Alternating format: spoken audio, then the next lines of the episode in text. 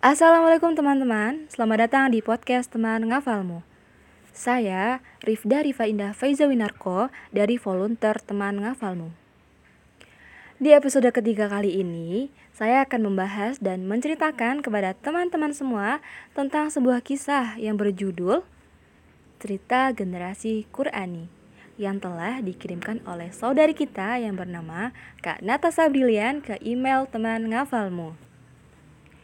Yuk langsung aja saya bacakan ceritanya dan teman-teman semua dengarkan ya.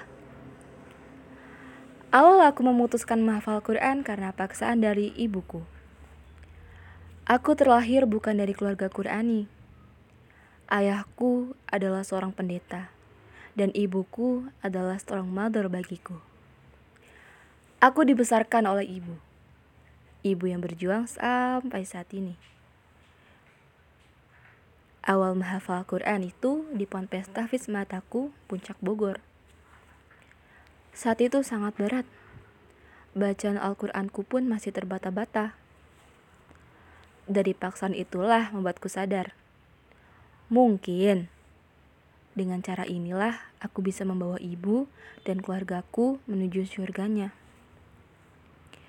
Lelah menghafal sudah tidak terasa. Hanya kenikmatanlah yang aku rasakan. Sulit menghafal membuatku semangat dan berjuang. Tidak sampai di situ. Berjuang butuh berkorban. Mengurangi waktu tidur dan lain-lain. Ke mana pun Al-Quran selalu aku bawa. Kenapa? Karena Al-Quran bukan hanya menjadi cita-citaku masuk surga, namun Al-Quran menjadi sahabatku yang setia. Setiap malam jam 2 pagi di keheningan malam, Aku terus menangis akan dosa-dosa. Aku terus berusaha untuk bisa menjadi bagian dari keluarga Allah. Semua aku lewati setiap jusnya dengan penuh tangis dan duka. Hingga sampai akhirnya di surat terakhir aku setorkan. Aku percaya bahwa janji Allah itu nyata. Allah kabulkan cita-citaku menjadi bagian dari keluarganya. Indah Nikmat sekali rasanya ketika sudah berada di puncak tertinggi. Namun, bukan berarti selesai sampai di situ.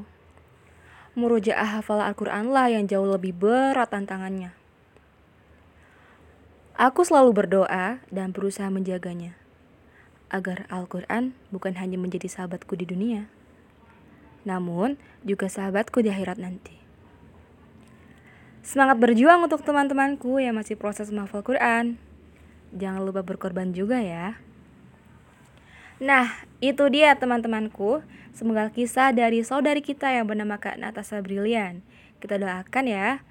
Semoga Kak Natasha Brilian mampu istiqomah memperjuangkan hafal Qur'annya hingga akhir hayat.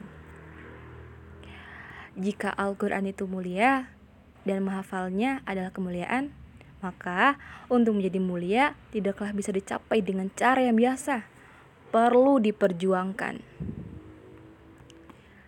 Oke, teman-teman, cukup sampai di sini dulu ya podcastnya. Jika kamu punya cerita menarik seputar menghafal Al-Quran atau kamu punya ide yang pengen kita bahas, bisa email di volunteertemangafalmu at gmail.com atau DM di Instagram ya, at teman.ngafalmu. Dan jangan lupa follow.